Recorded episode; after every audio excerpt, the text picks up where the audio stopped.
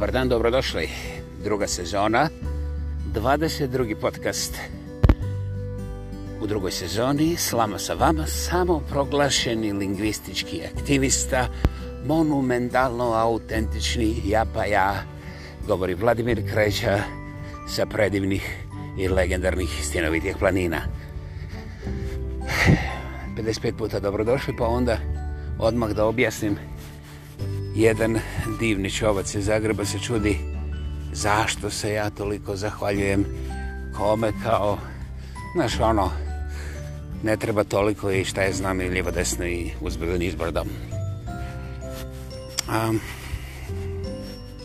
znaš prvo sam mislio da je šala a onda sam se bavio promišljanjem cijele situacije i i normalno potražuje stare tekstovi, stare reakcije raznih ljudi i neka prisjećanja i suma sumarum sve se svodi na nešto što nije ama baš ništa novo ali Boga mi jest prisutno jest prisutno dosta, dosta dugo vremena i ja ne bih rekao da je bezazleno zapravo s vremenom se naučio da je to jedan ozbiljen doslovce problem. Naime, gotovo da nije nikakav problem kada čovjeku, kako se to lijepo na latinski kaže, ubrk, opandrošite, bezobrazlost, bezobrazlog, drskost. I sad e, izaberite riječnik ili uzmite iz onoga kočijaškog žargona pa šta vam padne na pamet. I tu onda naravno ljudi odlučuju da li će jedan drugoga podnositi, ne podnositi ili će se jednostavno malo pokresati. Kao na primjer, hm, ne, ovaj put nećemo, ovo je 22. slama sa vama, pa ćemo biti malo nježniji. Dakle, nema nikakvih uzbuđenja kada se ti različiti Balkenjici sretnu, da li sad u regionu, na Balkanu ili okolo bilo gdje, ovaj, jednostavno je potpuno nevažno, ali glavna, glavna poveznica je taj grubi riječnik koji se potpuno neformalno onako dušmanski trese sa koje hoćeš strane od ozgo, od ozgo, sljeva, s desna, naprijed, pot, potraga. Međutim, čak će i neko hvala tolerirati. Međutim, ako se hvala pojavi u razgovoru četvrti put, pa ne do Bog, onda i peti put, tu nastaje ozbiljna uzbuna i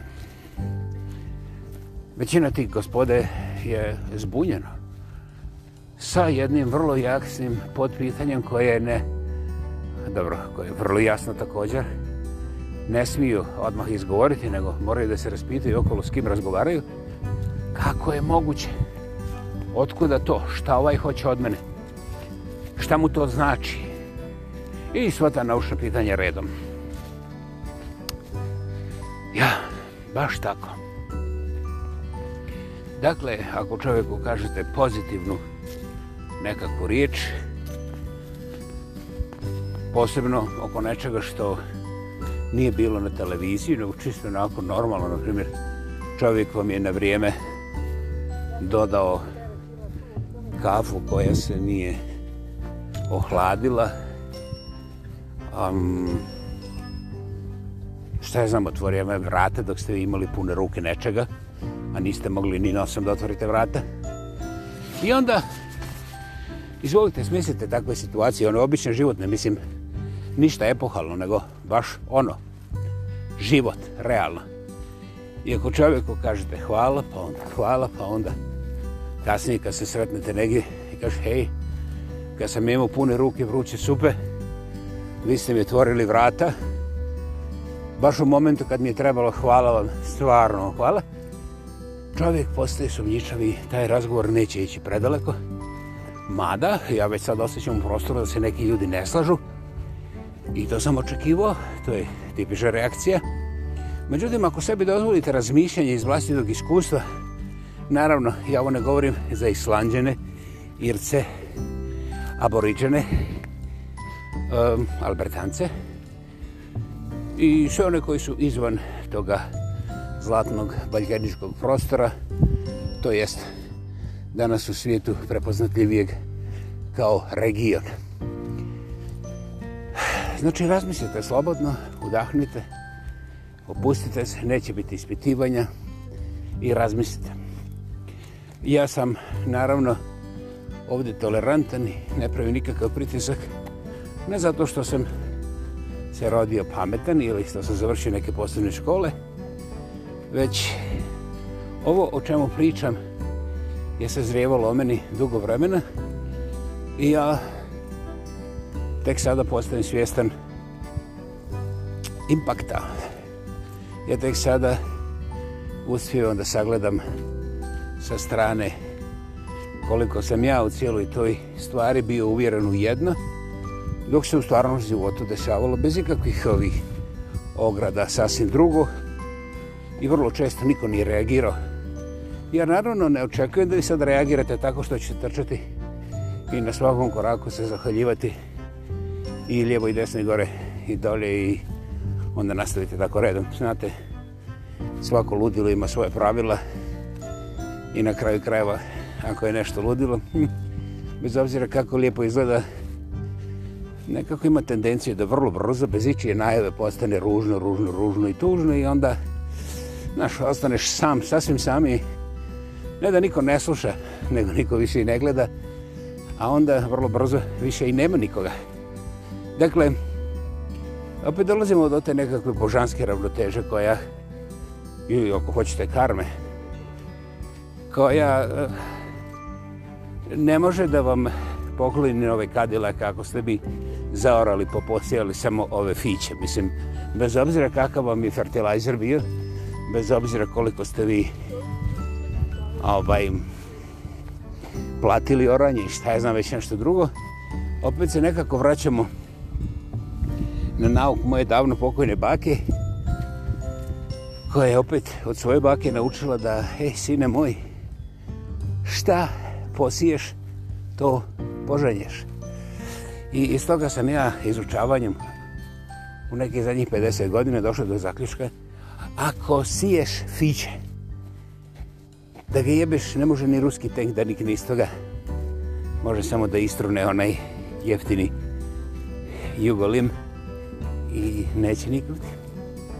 Dakle, nemojte pokušavati kod kuće da sad sadite fiće pa da dokažete da sam ja u krivu, jer ćete se razočarati, a njiva će vam biti zagađena sa starim otpadom koji, koji doista može biti opasno za djecu ako se prošetaju po toj njivi. da li sam ja svjestan nekih drugih mogućnosti u ovom scenariju? Ne, nisam.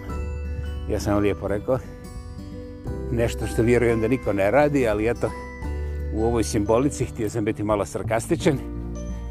I dalje ostajem pri tome da ne možeš sijeti fiće, a žeti kadilake. Nije se desilo. Nije e, za odbaciti stvarno gotovo tužna činjenica da među nama ima vrlo, vrlo inteligentnih ljudi koji još uvijek snis, smišljaju formulu da im to pođe za rukom, taj fiće da pretvore ga u kadilak tako što ga sade pa ga onako održavaju na nekom načinu i začinu koji onda za par mjeseci, iako ne bude previše kiše i grada, niće u kadilak. Neki ljudi se doista bave svim tim nemogućim mogućnostima i nije ih teško uočiti što je također Boži dar. Međutim, ja i dalje ponavljam,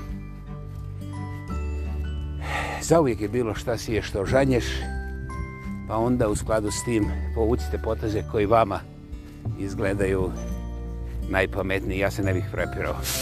Tako smo došli danas do jedne vrlo, vrlo zanimljive diskusije gdje sam ja doista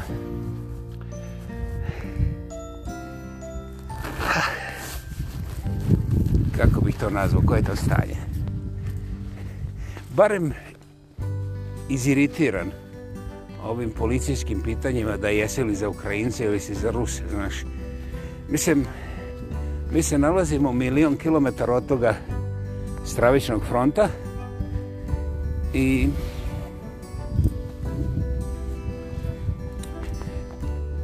ja ne želim pomisliti šta na meni piše ono št, kad bih ja imao mogućnost da napišem ja sam za Ruse ili ja sam za Ukrajince, ja to ne samo da ne trebam i ne volim, ja to smatram izazovom ne za jedne ili druge, nego između ima puno onih trećih koji ne žele učestvovati u tome zlu.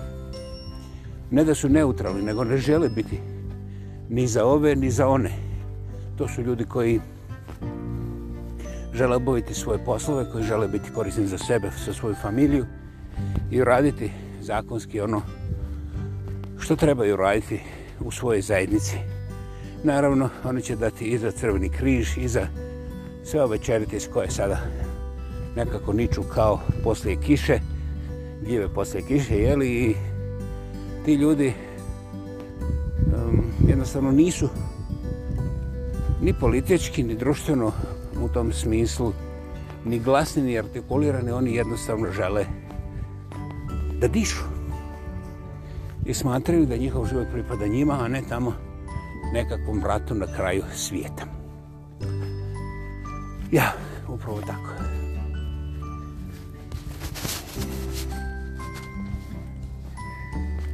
Ne znam kako se desilo, ali ja sam u nekoliko vrat navrata bio ozbiljno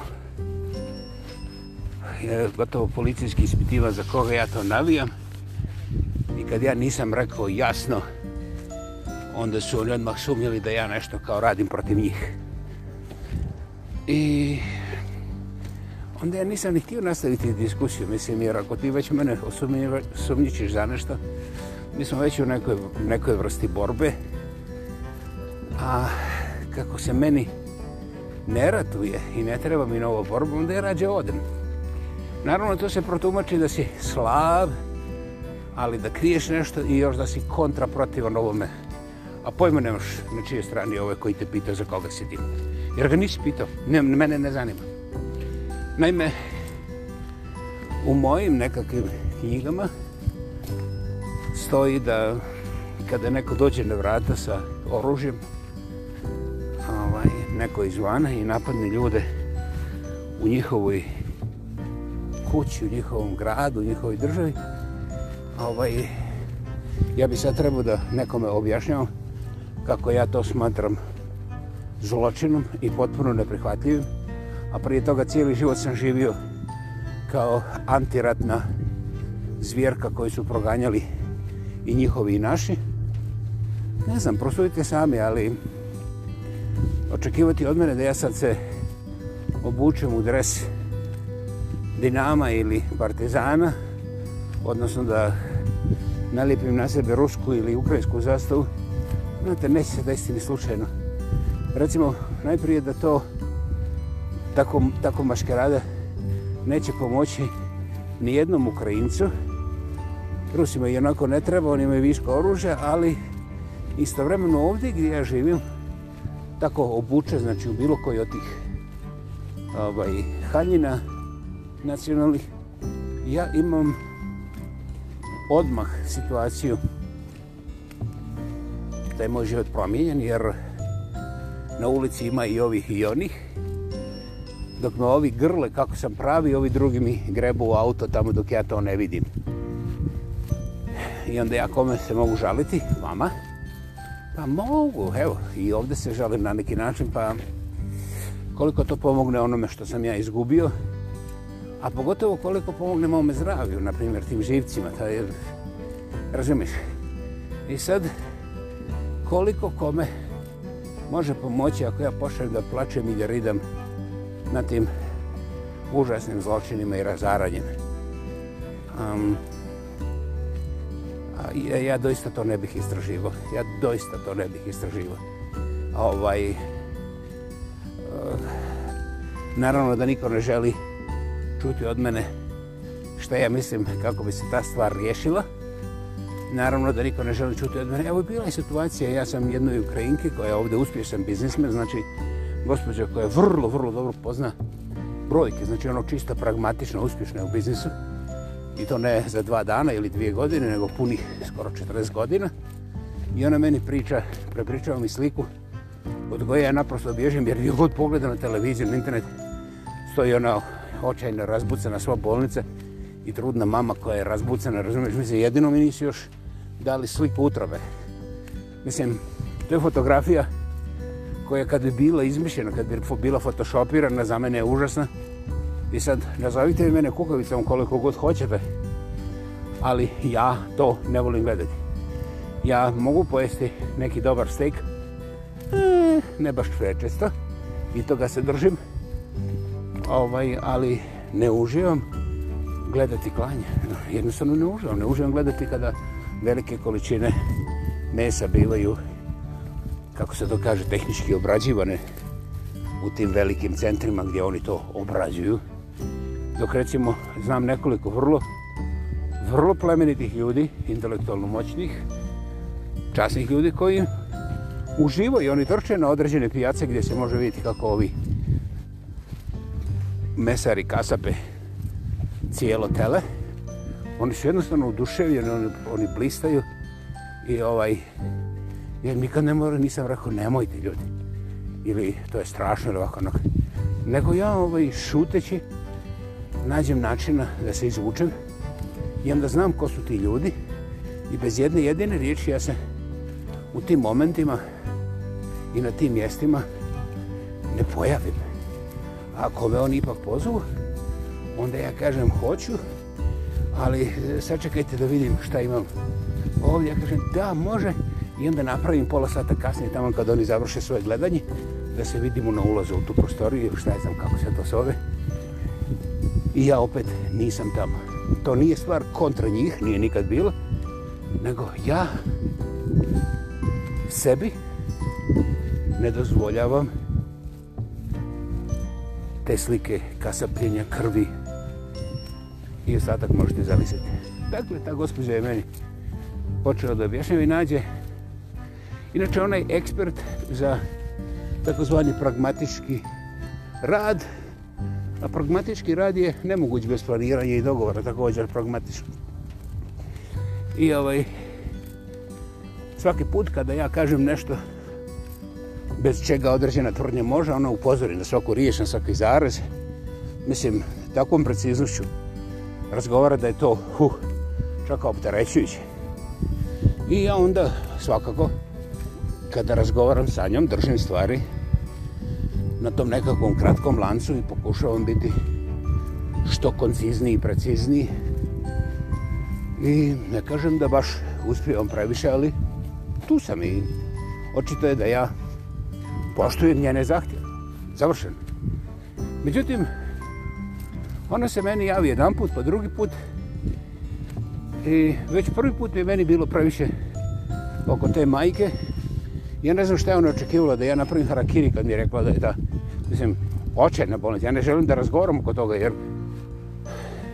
Znaš, ono, nađeš se, voziš se, recimo, na ljetovanje i odjednom iza krivine naletiš buldožer sa strane iz neke, sa neke brda, otkazale mu kočice i pogodio bočno autobus sa djecom koja su također išla na more.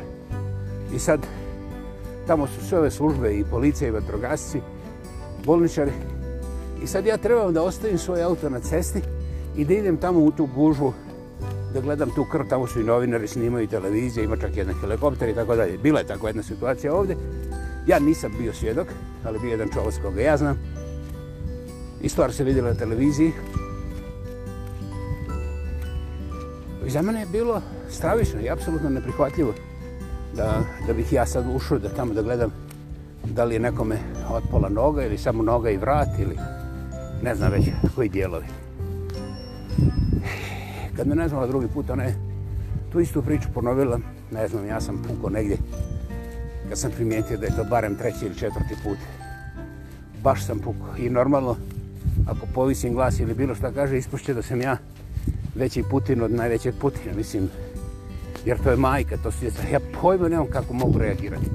Meni je srce rasjepljeno, krvari ovaj, i da su tu majku tako napali ne znam koji na ovoj planeti. Za mene ona ne bi imala nacionalno značaj, ona bi za mene imala značaj univerzalne, sve svemirske majke, sve svemirskog djeteta, jer to je život, odnosno puno više od dva života, jer ne znam za koliko majka djeca još hoće i može imati. I ja to ne mogu objašnjavati. Uglavnom, Ja kažem, znaš, ovi satrapi koji su ovo napravili, oni jedino razumiju metak. Ja, ja ne znam šta reći. Kao ona meni ponovo objašnjava kako krvi i te ostale stvari i kako je. I ja u jednom momentu kažem, znaš šta, nisam baš financijski dovoljno jak, ali ako mi nađeš negdje, jer ti znaš sve ove ukrajinske ove, elemente u Kalgariju, Ajko mi nađeš kartu, oduh ja tamo da se borim. Ja ne mogu ovo slušati, majke mi ne mogu gledati, samo mi, samo mi pošalji kartu i adresu kome da se javim, oduh ja za Ukrajinu. Večeras, nema odlaganja, jer ej, onako nemam ženu, nemam djecu. A znam puckati, ozbiljno znam puckati.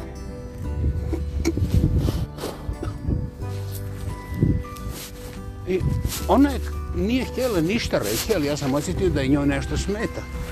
Ja sam prekinuo njenu njen ritual, krv mama, uber, razvijem. Ja sam, zamisli, ja sam se usudio da ne učestvujem u tome krv, ha, krv mama, ha, djete, ha, krv, ha, mama, ha. Nego ja sam rekao, idem ja da napadnem u bojice. Potpuno bivajući svjestan da kao stariji i nepokretni, da mogu biti odapravljeni u, u prvoj, u prvoj borbi, mogu zaraditi metak da ne ispalim. Mislim, ali ću otići, barem da se zna da sam protiv. Ono. Jer ne mogu drugčije nikako da objasnim da sam stvarno protiv toga. Gospodja me više nije nazvala. Kao da je, kao da sam ja nju uvrijedio. Dakle, kao što vidite, jedan dobar dio ljudi hoće da uživa u slikanju tih krvih slika. A u konkretnom pomoću, konkretnom ratu, učestvuju samo naivni i ovako kao ja iznervirani. Dragi moji, bila je ovo u drugoj sezoni 22. slama sa vama. Kao i uvijek prije, govorio je ispod prelijepih i legendarnih stenovitih planina Vladimir Kreća. Hvala vam za strpljenje. Čujemo se uskoro.